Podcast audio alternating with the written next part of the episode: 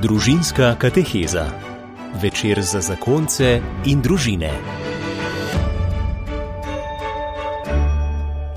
Drage poslušalke, spoštovani poslušalci, lepo pozdravljeni v tem torkovem večeru 2. aprila na Radio Ognišče. Začenjamo z družinsko katehezo, z menoj v studiu so Vilma in Dani Sitar in duhovnik Ravko Klemenčič. Dober večer. Dobar večer. Dobar večer.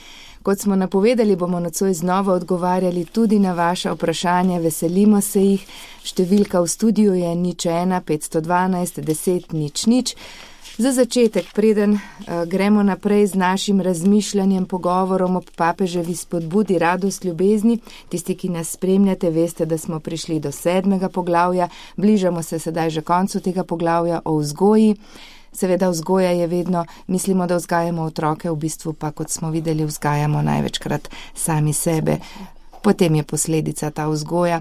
Kako vama to uspeva, Vilma in Dani, v tem mesecu, odkar se nismo videli, mogoče kakšna vajna izkušnja, vajnega odnosa, gre vama vedno vse gladko? No, če bi hotela kaj povedati o tem, kako se mi dva, ki je zatakneva, pa zapleteva, potem smo lahko tukaj celo noč. Uh, to ne bomo, ne. Lahko pa um, povem eno od teh zadnjih izkušenj, ki naj jo je v bistvu kar zelo pretresla, saj mene, ker je bilo, noben od najo se ne spomne, zakaj je sploh nastal en tašen prepir med nama, ker je bila tako majhna stvar, kot je to ponavadi. Ampak sva odreagirala tako neugodno. Uh, res je, da sva bila na poti na seminar. In sva se peljala proti crikvenici in še nikoli se nama ni zgodilo, da se tolk časa noben od naju ne bi oglasil sploh. Se pravi, ta tišina, ki je nastala med nama, je bila tako moreča in jaz vem, da sem se tako borila s takimi negativnimi mislimi, z obsodbami o sebi, potem o možu, o tem, kaj jaz sploh delam, a jaz naj zdaj stopim pred ljudi, takšna kot sem, in jim govorim, jih poučujem, jaz, ko še sama ne znam živeti. In tako prav ene takšne čudne obsodbe, sem obsodbe sem imela v glavi do sebe, do vseh in tako. In sem tako hvaležna Daniju, da takrat ni peljal direkt v crikvenico, ampak je zapeljal proti Trsatu. On ve, da je tam meni zelo ljub kraj ob Mariji, zelo tako močna božja prisotnost je čutiti na tistem svetem kraju, Marijino uh, svetišče. In nisva šla niti v crkvo to prvo, ampak me je prijel za roko in me je peljal od postaje do postaje križevega pota kjer je na novo postavljen in križov pot, no ne vem, koliko časa je, ampak tako pretresljive podobe so tam Jezusa, tega trpečega Jezusa. In ko sem hodila od postaje do postaje, se mi je zdelo, da se je počas topila tista ledena okraja okrog mojega srca. Jaz vem, da si vsi gradimo te ograje že iz otroštva naprej, zato da preživimo.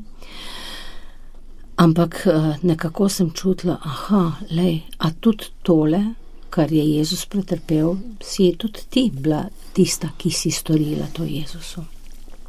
In tako se mi je um, začelo potem, um, tako kot pravim, srce se mi je otoplilo, Dani me je držal za roko, me je vodil, tudi v crkvo sva šla, tudi do Marije sva šla in tam sem že na kako z lahkim srcem dihala to božjo prisotnost in sem šla od tam drugačna.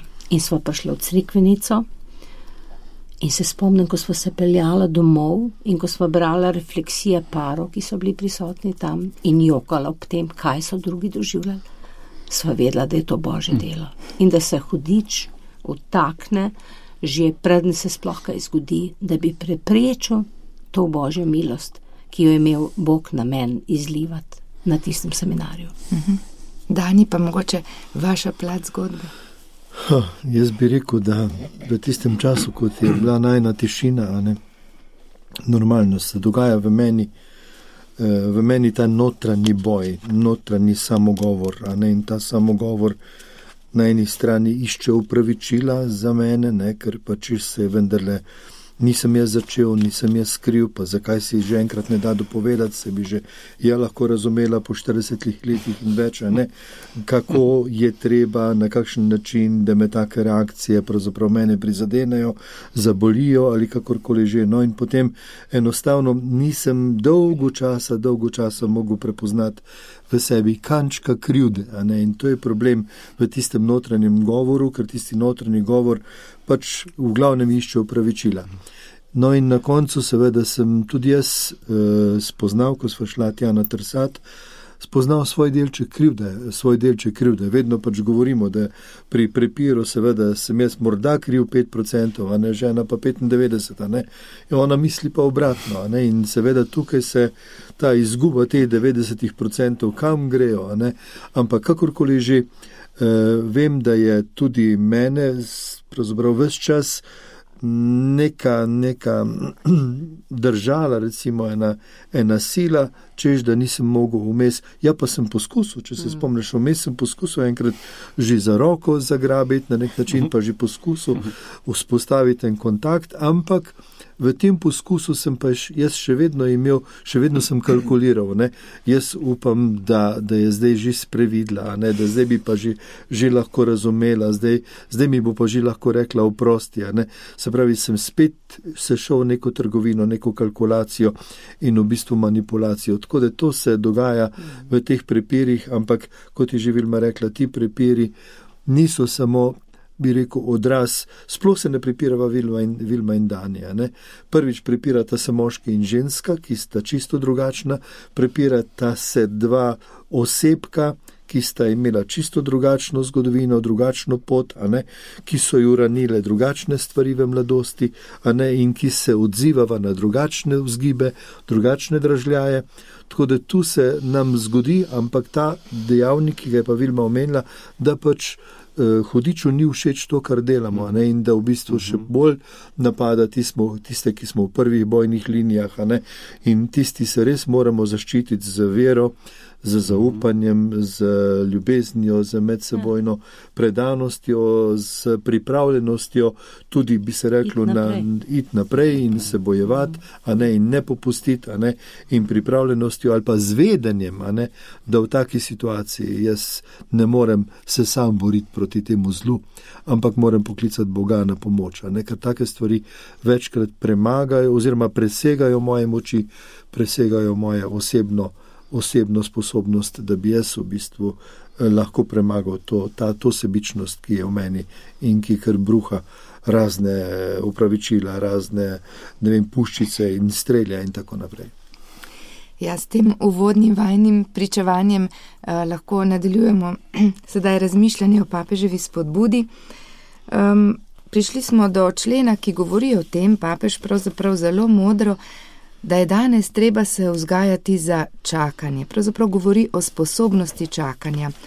Pravi tako, da v današnjem času, ko je treba vse dobiti takoj, k temu nas vzgajajo tudi digitalni mediji, dovolj je pomisliti, da če nekaj sekund se ne odpre ekranček, eh, smo že nestrpni, že odpremo nekaj drugega.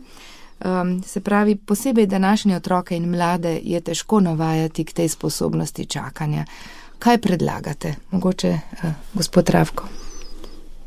Ja, papež pravi, če nekaj odložimo, ne pomeni, da smo zavrnili željo, temveč to, da smo odložili čas njene zadovolitve. In prav ta sodobna tehnologija lahko jo eh, gledamo samo kot eno veliko zlo, kot nekaj groznega v tem življenju, ampak ne, ni druge poti, s tem so mladi danes soočeni, ne samo mladi, tudi mi.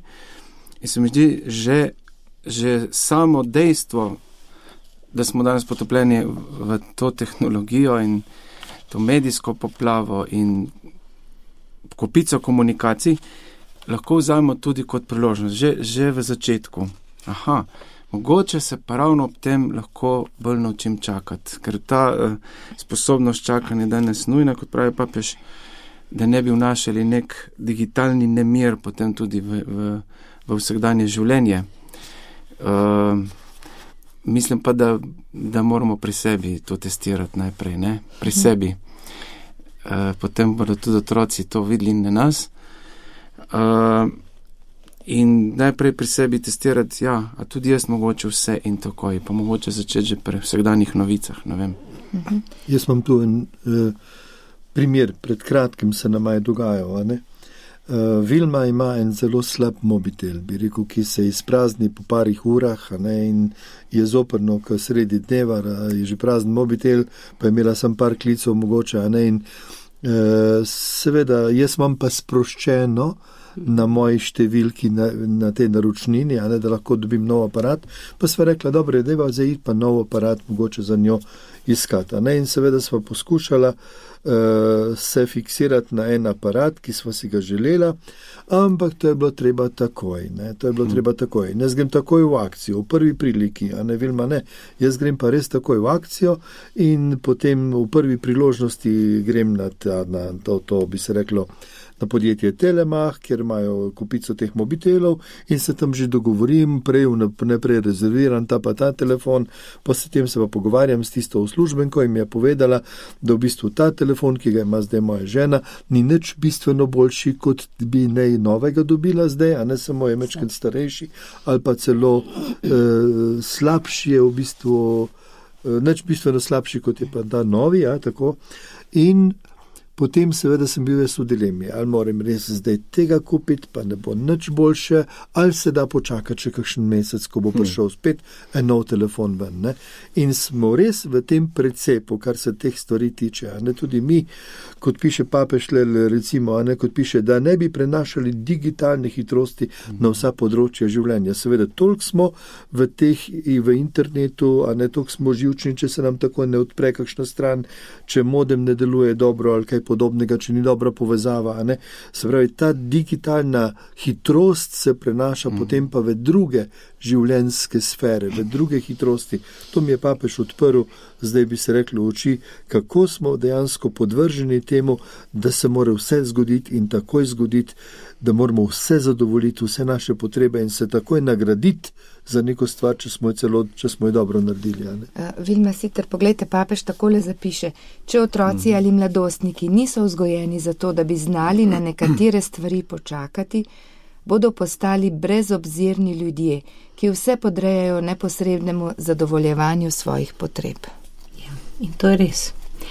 In to je um, taka zelo velika nevarnost današnjega časa, ker pride uh, v vse družine, kjer starši niso ozaveščeni o tem.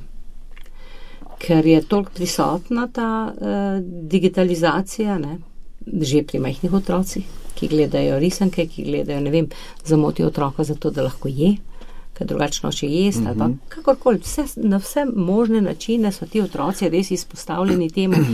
In dobro, tudi če odrasel, kot pravi moj mož, da se zdaj le papež o tem ozavešča, pa on lahko kontrolira te stvari, otrok pa, ki je od malega temu eh, izpostavljen, pa ne bo imel te možnosti, ker nima v možganih niti razviti teh poti, da bi znal čakati. In zato se mi zdi tukaj res tako pametno, no? da, ti, da starši res omejijo, kolikor se le da, izpostavljenost majhnih otrok eh, tej, eh, tem pomagalom, če tako rečem, in da jih tudi v čist osnovnih potrebah učijo počakati.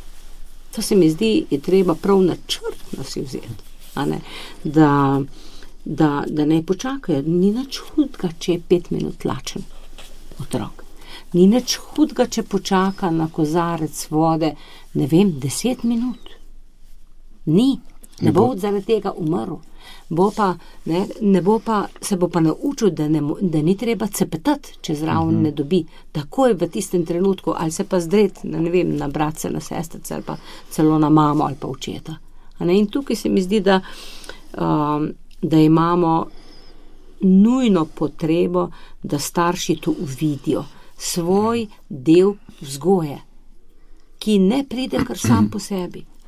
Ga je treba uvideti in se je treba k temu uh, naravnati, da vem, da imam jaz pri vseh teh majhnih stopnjah razvoja otroka zelo, uh, moram imeti en smiseln načrt, ga. Kam ga vodim, k kakšnemu cilju ga želim pripeljati, ker tukaj je res tako lepo uh, piše, ne, da, da človek, ko otrok izkusi, da je zmožen vzeti samega sebe v roke, se krepi njegova samozavest. Otrok se bo dobro počutil, če bo videl, da je nekaj uspel, da je uspel počakati. In s tem se pa seveda zraven nauči tudi spoštovanja do drugega. Če bo, naprimer, sploh kjer je več otrok, da če je en na vrsti, da se enega postreže, da se drugi lepo počaka v miru. Ne s sitnarjenjem ali pa ne vem kaj, da bo tudi on prišel na vrsto. Ne, In tukaj imajo starši toliko dela, toliko dela in to je naporno delo. To nihče ne reče, da ni naporno delo. Zelo, ki starša izčrpa. Ne? Ampak še vsem se mi zdi, da morajo starši vedeti danes, no, da noben nima toliko vpliva na te otroke kot starš, ki je stalno prisoten ob njih. Ne? Noben drug nima toliko vpliva na otroke kot oni. Ja, in gotovo potem ta sposobnost čakanja, če se je naučimo v otroštvu, znamo prenesti tudi v mladost. Gre ja. za odnos, potem, ko enkrat vstopiš, fant, dekle in tako naprej. Mm -hmm. Seveda. Na vse področje se prenaša. In to čakanje velja tako za uporabo tehnologije, zdaj odloži in tako naprej. Uh, vem pa, da so starši danes zelo, zelo soočeni s to težavo, kdaj, v kateri starosti ne že ima svoj mobilni telefon in tako naprej. A se mi zdi tukaj ta ločnica, eno je uporabo, drugo pa je, da si lasnik tega telefona in otrokom damo, mladostnikom damo, ampak ni, nisi pa ti lasnik uh, še tega telefona. A uporabljaš, da bo, boš pa lahko rekel, ja, imam, ha, boš pa še počakal. Mm. Vse smo se mi morali učiti čakati, kdaj bom dobil to. Ja, Ja, in potem znaš ceniti, če ne pa zavržeš. Ja. To, kar tle piše, ne, ko je bilo že prebrano, češ, ko otrok tako izkusi, da je zmožen vzeti samega sebe v roke, se krepi njegova samozavest. Ne. Jaz se ob tem spet vračam ob tej misli v svoja otroška leta, ne, ko sem živel brez očeta, ne, ko me nihče ni spodbujal, nihče mi ni pokazal, nihče me ni, bi se reklo, uh, pomagal, vodil, usmerjal, recimo v enih stvarih. Jaz vem, da se sem uh, talentiran, recimo za glasbo, imam talent za glasbo, imam dober posluh, ne, pa vendarle glasbe nisem na nobenem področju, v nobenem inštrumentu razvil do odličnosti. Do tega me nihče ni pripeljal. Naprimer, igram, ne bo to harmoniko, orgle, kitaro, orglice in tako naprej, vse po malem, ne, pa vendarle nič odlično. In to me moti, to ne krepi moje samozavesti. To sem že veliko krat izkusil, kako se počutim manj vrednega. Prav tako, naprimer, na področju tudi sicer. Uh, študijskem področju, na področju bi se reklo tega akademske znanosti, naprimer jaz bi veliko krat sem se prav to, naprimer na, mojem, na moji politični poti počutil manj vrednega pred drugimi sogovorniki, pred drugimi kolegi, ker na nek način nisem dosegel neke stopnje odličnosti v nekem študiju, v neki ekspertizi, v nekem ne vem, raziskovalnem delu ali kaj podobnega. Ne? In tu ta manjko, ta manj vrednost me je skozi spremljala, recimo, ne kompleks manj vrednosti ne? zaradi tega. ne. In to pomeni, da me nišče ni učil discipline, da je treba ustrajati pri neki stvari, da se je treba potruditi za eno stvar, da je treba delati za eno stvar, da je treba se pregrist skozi določene naporne stvari, recimo, ne, da jih je treba pač vaditi, vaditi, vaditi, vaditi, a ne, zato da pravzaprav na koncu res bi se reklo, narediš tisto z odliko, ne bo to v glasbi, ne bo to na kjerem koli drugem področju. In tu sem jaz res, tu je, tu je moj manjko, a ne, tle sem jaz pogrešal očeta in jaz vem, da v bistvu prav ta manjko sem jaz prenesel na, tudi na svoje otroke. Nisem nikogar od mojih otrok, bi se reklo, spodbujal k tej odličnosti, k tej, bi se reklo, ustrajnosti, zato da bi dosegel eno maksimalno stopnjo razvoja svojega talenta. Pa vem, da bi ga bil lahko kateri od otrok, ne bo to, Katerikoli. kjerkoli otrok, a ne, visoko, visoko razvil svoje talente, so jih potem sami, ampak škoda mi je, ne, ali pa jaz se čutim krivega in sem se jim že večkrat tudi upravičil, ker v bistvu nisem bil sposoben otroke na nek način tako ustrajno usmerjati in jih voditi, spodbujati, da bi dosegli tako stopno odličnosti, ki bi v njih potem, bi se reklo, spodbujala to samozavest in to odločnost in trdnost, pokončnost, da se bodo znali postaviti po robu vsemu, kar pride v življenju. Mhm. Ja, zdaj nadaljujemo z naslednjim členom. Um te papeževe spodbude, kot smo rekli, smo na sedmem poglavju. Jaz bi vas, drage poslušalke in poslušalci, znova povabila, da se oglasite s kakšno vašo izkušnjo, vprašanjem za naše goste. Nocoj imate to priložnost, številka je nič ena, 512, 10, nič, nič. No in če gremo naprej, papež pravi, eh, v družini torej po eni strani se naučimo čakati, po drugi strani se naučimo živeti z drugim, ga prenašati, spoštovati. In potem to lahko prenašamo tudi za, na odnose zunaj doma. Zdi se, da prav v tem času individualizma, ko je toliko ljudi osamljenih, ko uh, se raje gradimo ograje, kot pa da bi zidali mostove drug do drugega, um, kaj predlagate družinam? Recimo, papež je rekel, torej v družini se naučimo da potem lahko živimo tudi navzven. navzven. Kako pomagati otrokom k vzgoji za takšno velikodušnost in odprtost srca? Hmm. Se spomnim zadnjič pripovedi ene mame, ki je rekla, ja, se naš sin ni dosegel neke posebne, uh, posebne izobrazbe ali pa ni, ni hodil v kakšne glasbene šole in tako ampak mi je pa lepo, ker mi veliko ljudi reklo, da so ga prepoznali potem, da je znal tako lepo pozdraviti in da bi vedno odprt mm. in se ustavil in pogovarjal z drugimi ljudmi. Mm. Čist take konkretne stvari, ki se začnejo v družini. Spoštu, jaz se spomnim doma, so nas učili ne, spoštovanje do človeka, vzemi ga takega, mm. kot je, spoštuj ga tudi, če te moti. To dobiš v družini mm. in preneseš naprej. Mm. Na kakšen način v današnjem času, ko se zdi, da nobena avtoriteta več ne velja, ni mhm. učitelj, ni duhovnik, ni starš, um, se več skoraj ne vika, v nižjih razredih sploh ne več, nekako vse se jemlje samoumevno.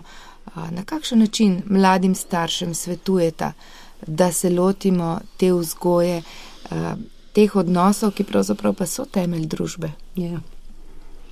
Ja. Ja, jaz mislim, da čist z enim osnovnim bontonom se začne že čist, čisto od začetka, ne? da otroka učimo, da pozdravi, da se zahvali za stvari. Se to se otroci zelo hitro naučijo, ne? ampak moramo biti pozorni, da to naredimo. Ali pa naprimer, da če nekdo pride k hiši, ne? da ga otrok sploh opazi. Da ni tako zatopljen v svojo igro, da se niti ne briga, kdo je prišel k hiši. Ne? Ampak da bo, ne vem, pristopil k tistemu, ki je prišel, da ga bo pozdravil, da bo rekel dober dan, da bo, ne vem, naučil se. Tako je lepo srečati otroka, ki se ti zna nasmejati, pa te mhm. pozdravi, pa je mhm. tako en sproščen otrok. In se mi mhm. zdi, da, da ja, tega se nauči v, v družini. Ne, se mi zdi, da, da je res ta individualizem eh, tako podtalno deluje ne? in, in nas uči tudi tega, johlej. Nekdo je prišel, ampak vse, jaz, jaz, jaz lahko delam tisto, kar meni zdaj lepaže. Uh mhm. -huh. In tukaj je to spodbuda. Kako smo drugače otroka, kot učiti ga s tem, da, da sam tako delam. To, to je vedno prvo, prvo, prvo navodilo je vedno zgled, drugo navodilo je vedno zgled, pa tretje navodilo je tudi zgled. Ne? In ko, ko jaz to sam pri sebi, tudi če nisem bil navaden, tudi če mi niso doma to naučili, teh stvari se lahko tudi če jaz navadim. Ne? Zdaj, ne? Ja, kadarkoli, kadarkoli to spoznam, da, da nimam tega dovolj. Ker se mi zdi, da s tem, ko mi opazimo sploh druge, ne?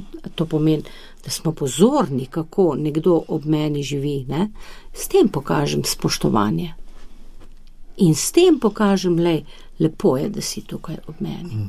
Dobro je, da si. Dobro je, da se otroci naučijo tega spoštovanja že čist od začetka. Mene pravzaprav me kar moti, če vidim mlade starše, ki mehkim otrokom dovolijo, da jih tepejo, ker otroci to delajo. Ne? Tako, po obrazu, pa tako ne. Pa niti ne upomne, češ se še ne razume. To ni res, to ni treba, da razume. To ga je treba naučiti. In, in, in vem tudi zakaj. Zaradi četrte božje zapovedi. Ker če hočeš ti, da bo otroku dobro, mora se naučiti spoštovati svoje starše. Kar pomeni, nikakor ne sme, ne vem, staršem početi stvari, ki jih ne sme početi. No. To so take čisto osnovne stvari. ne. Mene pa nagovarja predvsem to, ta misel, ne, da smo ljudje odnosna bitja. In ker smo odnosna bitja, smo ustvarjeni za odnose, ker smo ustvarjeni po božji podobi. Že v božji sami, v sami božji podobi, sveti trojici, gre za ta, bi se reklo, popoln odnos ljubezni, podarjanja in sprejemanja ljubezni. In mi, če smo ustvarjeni pod božji podobi, smo tudi zato ustvarjeni, da drug drugega podarjamo drugemu in sprejemamo takšne, kakršni smo. In seveda, če se podarjamo in če se sprejemamo, je tu zdaj vprašanje, kako jaz, uh, kako jaz dejansko to razumem. Ker če razumem, da je to tisto temeljno merilo za mojo srečo. Govorimo pa o sreči, ne? vsak bi pa bil rad srečen, Ja. vsak si pa želi biti srečen. ne? Sreča živi v slovenskem jeziku, imamo sreča, srečanje, koren je sreča, a ne za srečanje. Se pravi, jaz se moram s teboj srečati, mi dva se morava srečati v tem odnosu čudenja, spoštovanja, v odnosu, bi se reklo, nekega najnega sožitja, poslušanja, čutenja in tako naprej. V tem odnosu se mi dva srečujeva. In ko si prej omenjala, recimo naše sosede, kako z njimi komuniciramo, živimo, vse v tem je pravzaprav ta, to bogatstvo, te sreče, a ne da lahko dejansko človeka pozdravim, kako si danes, a ne, kako ti je, kako se imaš, o, živijo, kako ste kaj. Se pravi, da to je, to je pa dejansko tisto, kar se učimo v družini, in kar prenašamo z gledom, to je to. Mogoče še en poudarek, um, ki ga tudi tukaj papež omenja, že sosedi. Ne? Mhm. Slovenci smo dosti krat znani po tem, da, smo, da so sosedje sprti med seboj. Papež pa pravi takole. Tu se predre prvi krok smrtonosne sebičnosti in tu spoznamo, da živimo skupaj z drugimi, ki zaslužijo našo pozornost, prijaznost in simpatijo. Mogoče kakšen nasvet v to smer, da pa vendarle pogledamo preko ograje. Jaz mislim, da se je treba za to tudi truditi, a ne? da to ne pride samo po sebi. Ne? Ker te lahko, mi grede, te lahko zmoti, kaj kar drugi delajo. Uh, ampak tako kot se to pismo naroča, ne, da živite drug z drugim v miru ne, in če hočemo mi živeti potem, potem moram jaz gledati na to, da jaz nosim v sebi mir, ne pa za mero. Ne, tudi do teh drugih ljudi, ki ne živijo po mojem kodeksu, ki ne živijo tako, kot se meni zdi, da je prav. Se mi zdi, da je tudi s tem pokažem, da spoštujem te. Ne, si, Tam, kjer si. tam, kjer si, si takšen, kakršen si. In te spoštujem. Ne? Se mi zdi, da, um, da če ne spoštujem, potem pač postajam takšen, kar mi ni všeč na drugem. Postajam isti. Ne? Pa ne zato, da sem boljši, ampak zato, da jaz nosim mir v srcu. In, uh, začne se pa tudi že s tem, ko že čisto majhni otroci nas poslušajo, kako mi govorimo o, O drugih sosedih, med ja. seboj, preden uh, mislimo, da, da še otroci ne slišijo, ne razumejo, Mhm. ampak njihovi senzorčki že sprejemajo, kakšen je naš odnos do drugega. A je samo dodatek mojemu življenju, pa kot si rekel, je, so tem odnosi pravzaprav temelj našega življenja, ne pa, ker se spodobi samo. a ne. Še enkrat naj vas povabim, spoštovane poslušalke, cenjeni poslušalci, da se pridružite temu našemu pogovoru. Nič 1, 512, 10, nič nič je naša telefonska številka. Pot- eh, naj- Medtem pa mogoče prisluhnimo še nekaj taktom glasbe.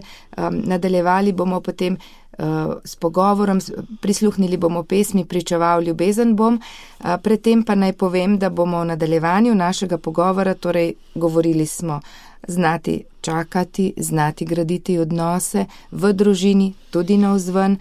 Naslednja um, tema, o kateri bomo govorili, da se v družini vzgajamo tudi za primerno porabo stvari.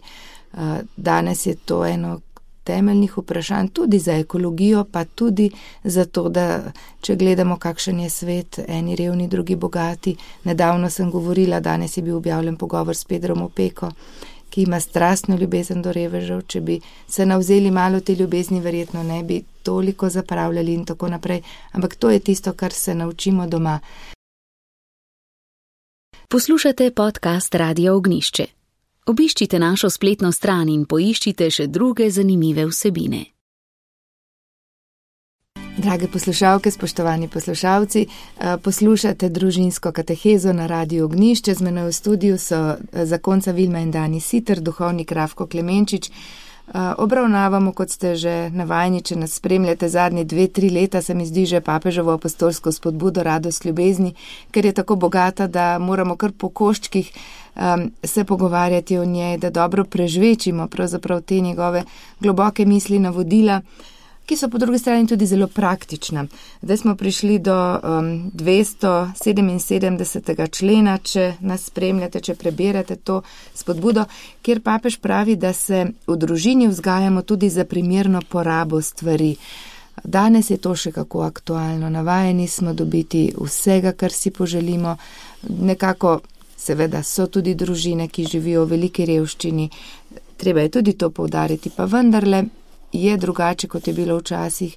Otroci pravzaprav, kar si zaželijo, večino stvari lahko dobijo in staršim tudi nudimo.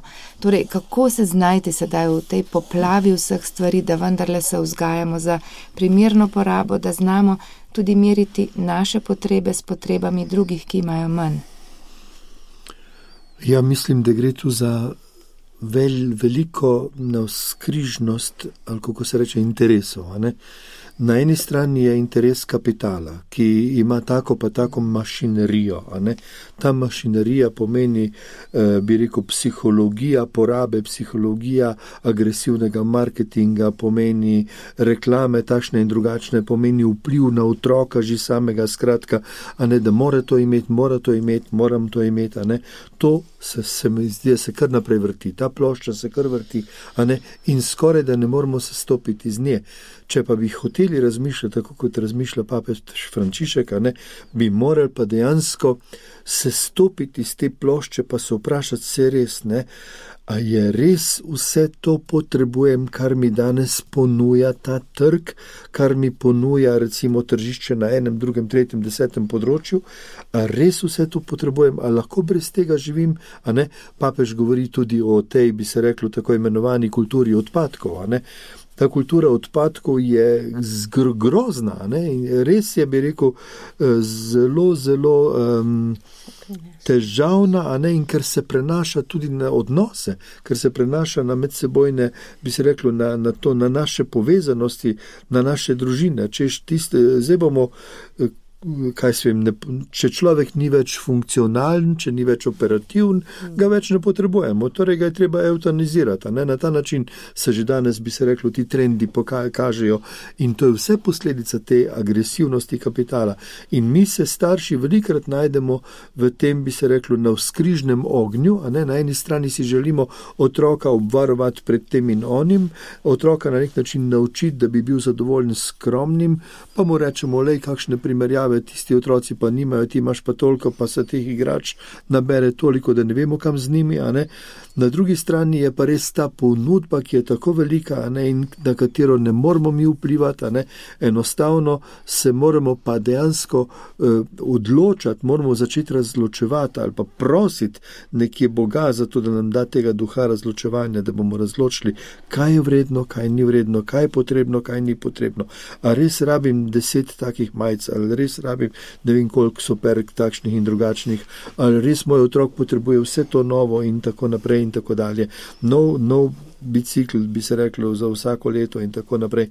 Skratka, to so stvari, o katerih poskušamo, poskušamo uh, razmišljati tudi v zvezi s tem vprašanjem, ki se nam tle kaže.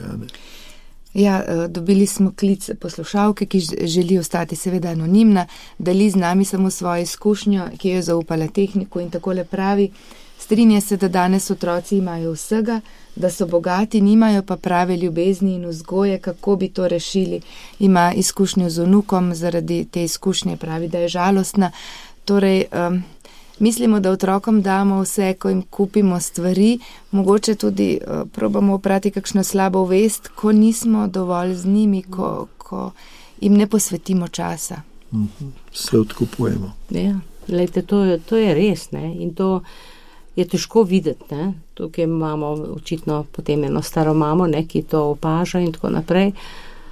Um, mislim, da je to počas pripeljalo do tega. Ne? Tudi mi kot starši, ko imamo zdaj že odrasle otroke in tako naprej, ampak nismo znali v tem procesu starševstva že tako dobro razločevati, da bi videli, kam to vodi. Nismo živela toliko zaveščeno. Ne? Zdaj, ko gre pa ta stvar še toliko naprej, ne? je pa to že toliko nevarno, da je pa treba govoriti o tem in zaveščati. Mi dva bi mogla biti pol tiho, ker same dva nismo naredila to. Mi dva sva, ne vem, um, ne vem, no, smo, smo jim nudili toliko, kolikor je bilo lahko, ne, ne vsega. Res nismo imeli toliko, tudi ne vem, nismo hodili ne vem na kakšne počitnice in ne vem kam uh, smučati vsak let, pa ne vem kaj, ker ni bilo. Ne? Ampak um, uh, meni se pa zdi, da je tole res najbolj nevarno, je pa to, ker se tok pocen dobi toliko. Dobrino. In s tem se potem zasiti. In se mi zdi, da s tem delamo otroke, ki ničesar več ne pričakujejo, ki ni več ničesar, česar bi se oni še veselili. In če se že veselijo, tisto veselje preneha po dveh, treh minutah, ko tisto odpre darilo ali pa ga vidi in, in je konec. Ne? In se mi zdi, da tukaj bi mogli, to je povezano s tistim čakanjem, o o čemer smo se prej pogovarjali. Ne? In um, Karl Gržan lepo pripoveduje o enem paru, ki ga tudi mi dva poznava, kako so znali otroke učiti k čakanju. Ne? Kako so enkrat, ko so šli na en piknik, se razveselili majoneze, ker je niso dobili vsak dan. Za, z namenom za to, da bi nekaj pričakovali. Tako enostavna stvar. Ne, ampak kako modri starši. Ne, in tašnih, k takšni modrosti bi se mogli vzgajati, da bi otrokom ne prikrajšali, ampak jim odvzeli vse z namenom, da bi se otroci učili tega veselega pričakovanja.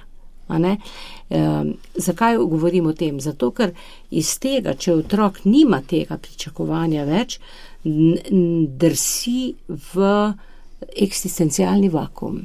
Ja. Se pravi, nastopi bivanjska praznina in vsi vemo, koliko velike je te bivanjske praznine pri mladostnikih in pri odraslih.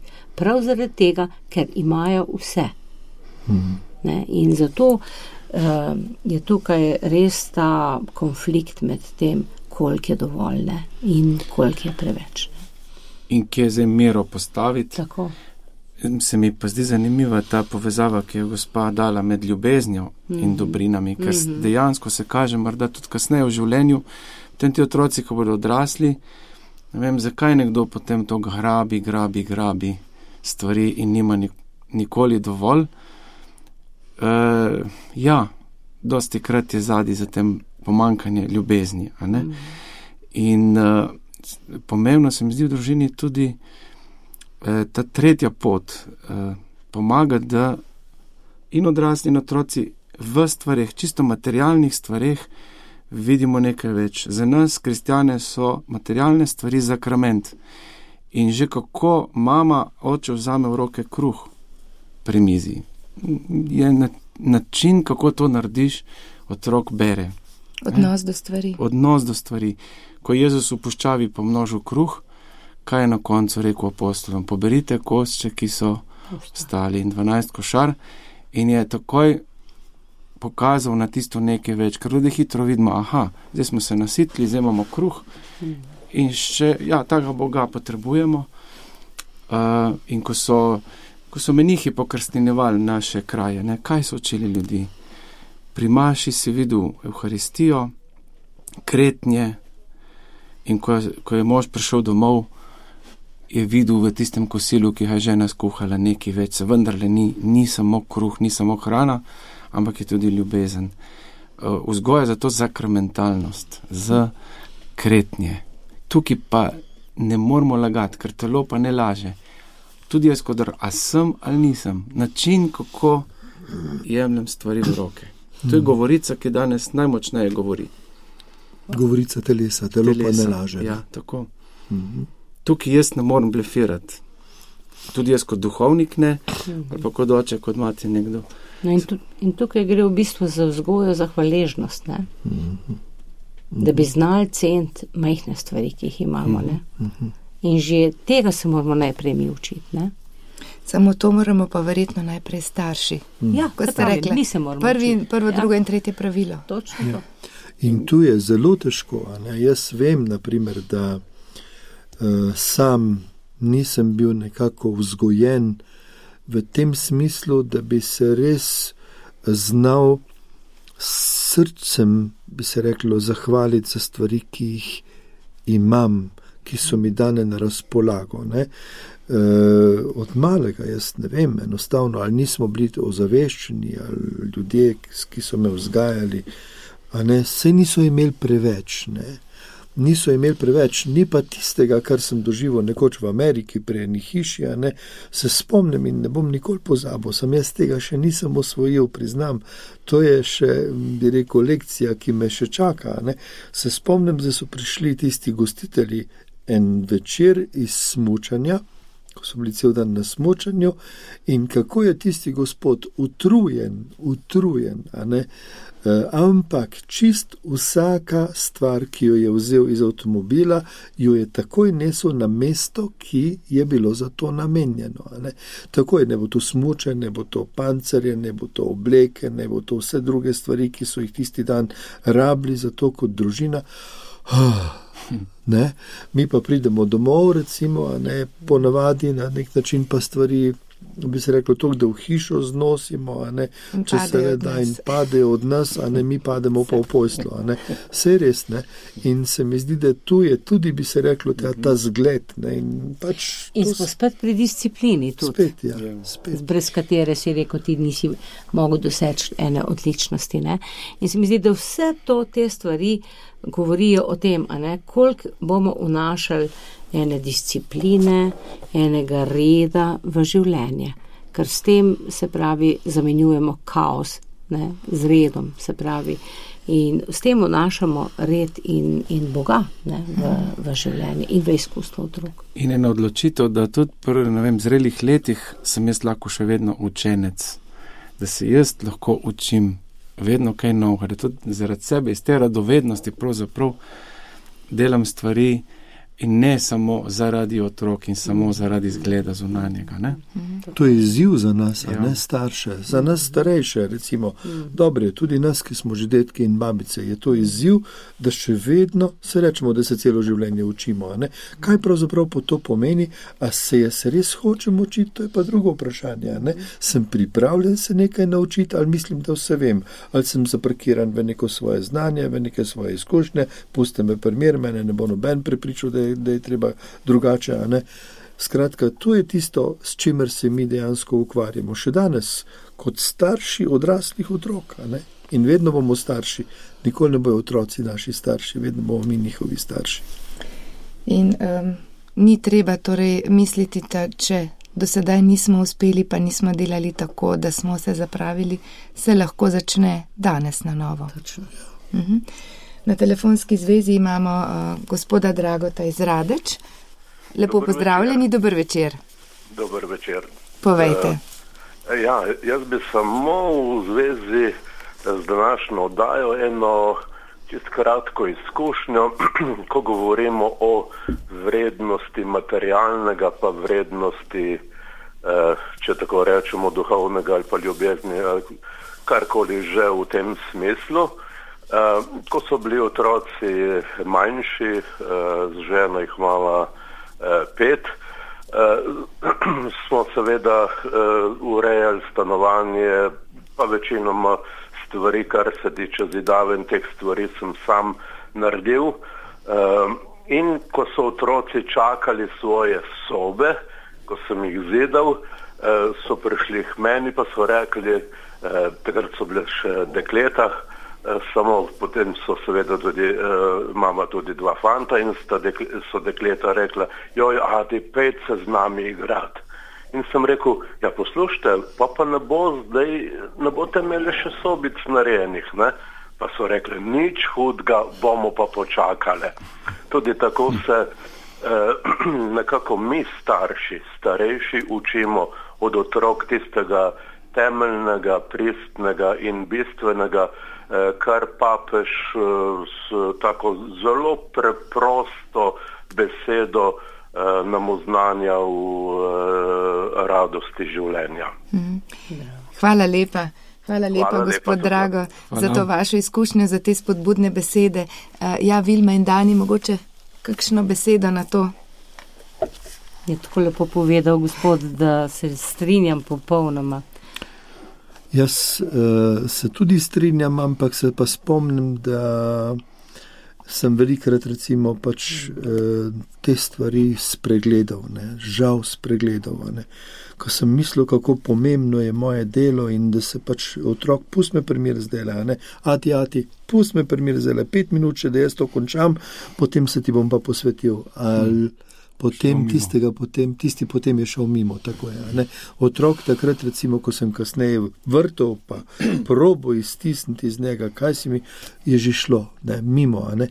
In tu se mi zdi, da delamo napake, ker se ne znamo ustaviti, se ne znamo umiriti, ali pa tako kot rečemo, recimo pri družini in življenju imamo en tak zanimiv rek.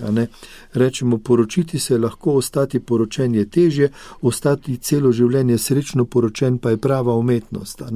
Tu je tudi, bi se reklo, ne, otroke imeti je lahko, otroke vzgajati je težje, otroke vzgojiti pa v dragocene, bi se reklo, bisere, odgovorne osebnosti, ne, to je pa pravzaprav tista prava umetnost.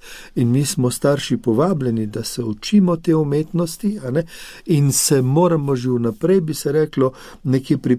Tisti, ki ste še mladi, ki še imate čas, pripravite se na to, da se je treba za to vzgojo oziroma za to poslanstvo, ki ga imate, ne, se je treba odločiti, ustrajati in vedeti, da ne bo lahko, da bo marsikdaj nastopil, bi se reklo, težek izpit, ne, za katerega se boste tresli kot šiba na vodi, ne, pa vendarle izpit je treba narediti, če hočemo iti naprej na naslednjo lekcijo. In tu se mi zdi, da smo pač, da, da, da imajo ti nove, mlajše generacije imajo prednost v tem smislu, čeprav po eni strani bomo rekli, da je teže vzgajati danes, kot je bilo pa nam, ampak prednost je pa v tem, da obstaja ogromno dobre literature, da obstaja tudi, bi se reklo, precej možnosti, da se udeliš kakšnega predavanja ali kakšnega pogovora, recimo o tem, da izmenjaš izkušnje,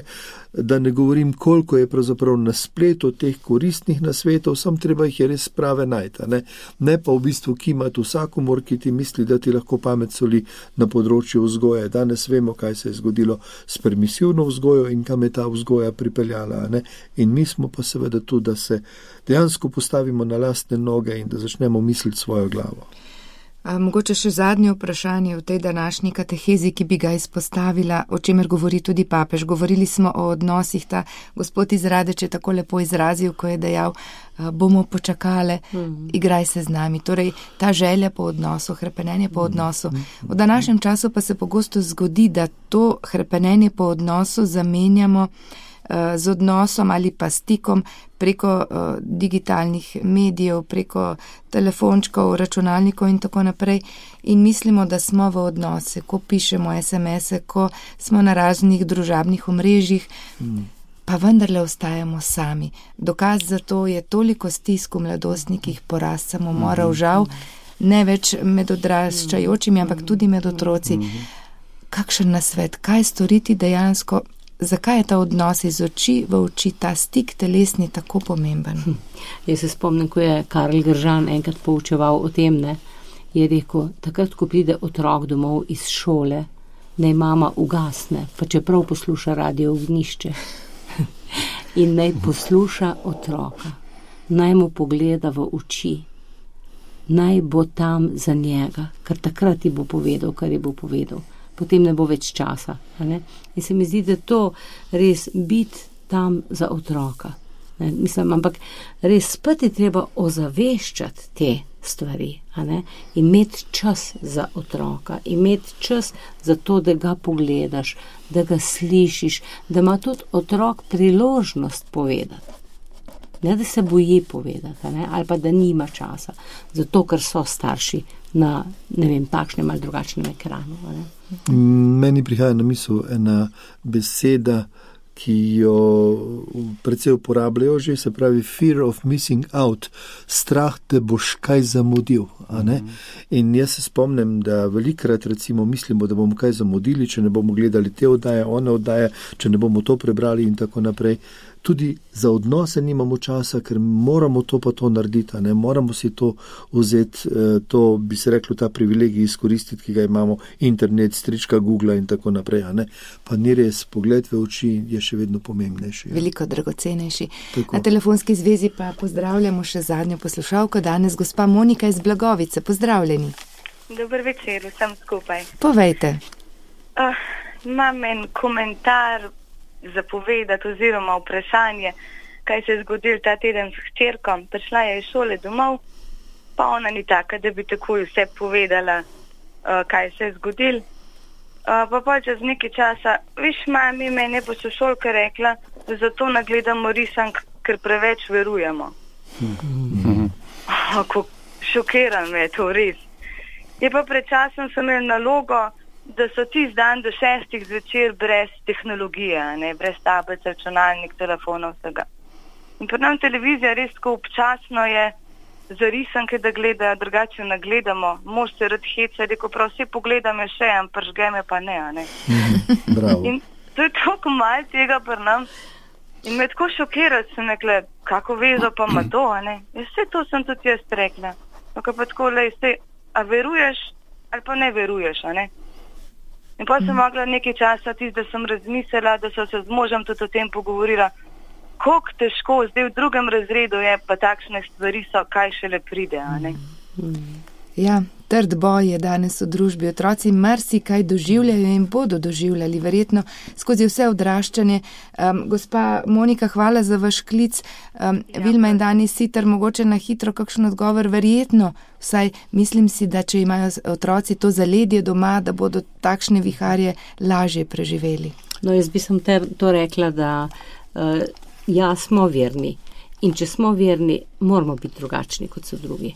In se moramo na to navaditi, da smo drugačni in otroke k temu spodbujati, da bodo razumeli, da je to dobro za nas, da smo drugačni.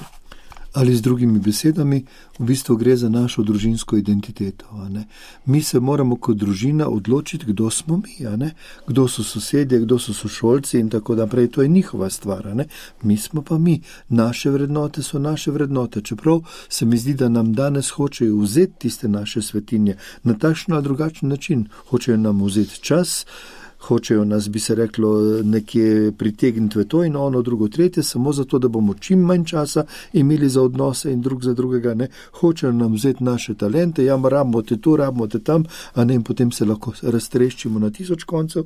Hočejo nam vzeti tudi naše imetje, pa dejti za to, pa dejti za to, pa dejti za ono. In se mi zdi, da stvari, ki, ki so čisti božji dar, nam hočejo vzeti, kar pravzaprav z drugimi besedami pomeni, ni napad na nas, ampak je napad na Boga in na božje dobrine in na nas, če smo božji. Ta napad se dogaja, to je boj. Zato mi je bil všeč, ko je profesor Ivančič iz Zagreba rekel, ne, da post ni odrekanje, ampak je vaja za to, da bomo lahko strenirani stopili na to bojno polje vsakdanjega življenja. Ja, zaključimo s to mislijo. Uh, ura se nam je iztekla, žal. Drage poslušalke, spoštovani poslušalci, hvala, da ste bili tudi nocoj z nami. Hvala vsem trem gostom v studiu za vse misli, za izkušnje, predvsem, ki so zelo dragocene, ki ste jih podelili z nami. Z vami bomo spet prvi torek uh, v mesecu maju, uh, mislim, da je to 7. maj. Takrat pa bomo govorili zelo pomembno področje, tudi naslov tega podpoglavja je Da spolni vzgoji. Torej, kako mlade naše otroke pripraviti tudi na to področje spolne vzgoje, s katerim s, to, s tem področjem se srečujejo že od rosnih let v šoli, preko medijev, preko udira pravzaprav v njihov nedolžni svet in o tem bomo govorili prihodnič. Vabim vas že zdaj, da pripravite vprašanja, da si mogoče preberete ta odlomek iz papeževe spodbude radost ljubezni. Premišljujete in se slišimo spet, torej 7. maja. Hvala še enkrat in lep večer še naprej. Hvala lepa, lahko noč.